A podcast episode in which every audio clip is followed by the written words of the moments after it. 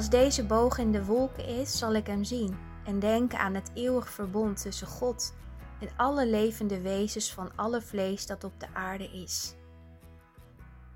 In de afgelopen twee overdenkingen heb ik stilgestaan bij grote woorden uit Genesis. Geen makkelijke taal.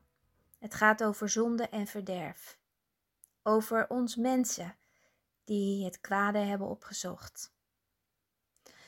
En nu gaan we over naar deze woorden uit Genesis 9, vers 16. En het verhaal over de zondvloed is een aangrijpende geschiedenis. Slechts acht mensen worden gered van de dood: Noach en zijn vrouw, hun drie zonen en hun schoondochters. Je moet je voorstellen. Als het water is gezakt, mogen deze mensen de ark verlaten en de aarde opnieuw bewerken. Je kunt je wel voorstellen dat ze dat met angst en beven hebben gedaan.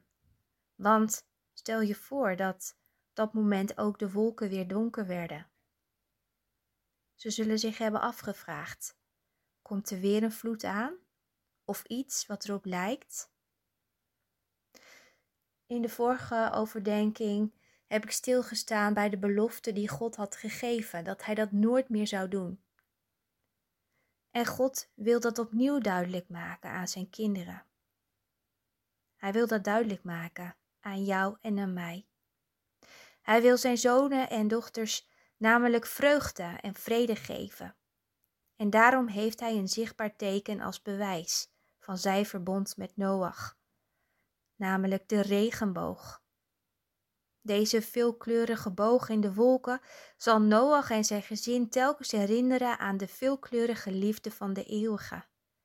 Dit teken maakt duidelijk hoe God tegenover zijn schepping staat.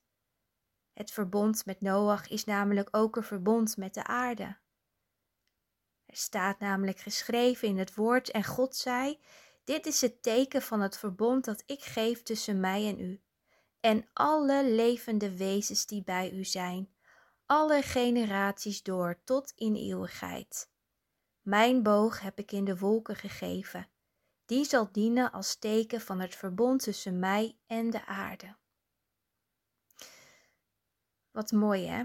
Wat mooi en prachtig dat God de regenboog heeft geschapen.